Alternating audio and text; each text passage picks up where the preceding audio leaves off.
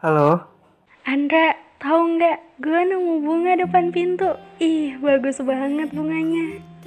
ibu Ica nih anak. Kalau nelfon itu salam dulu. Eh iya, lupa. Assalamualaikum. Waalaikumsalam. Nah, gitu dong.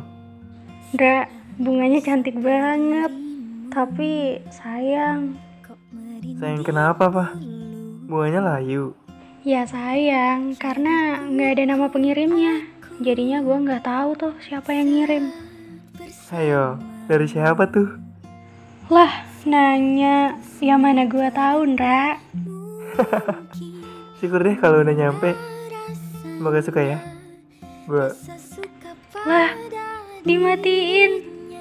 Dasar, ternyata dia yang ngirim.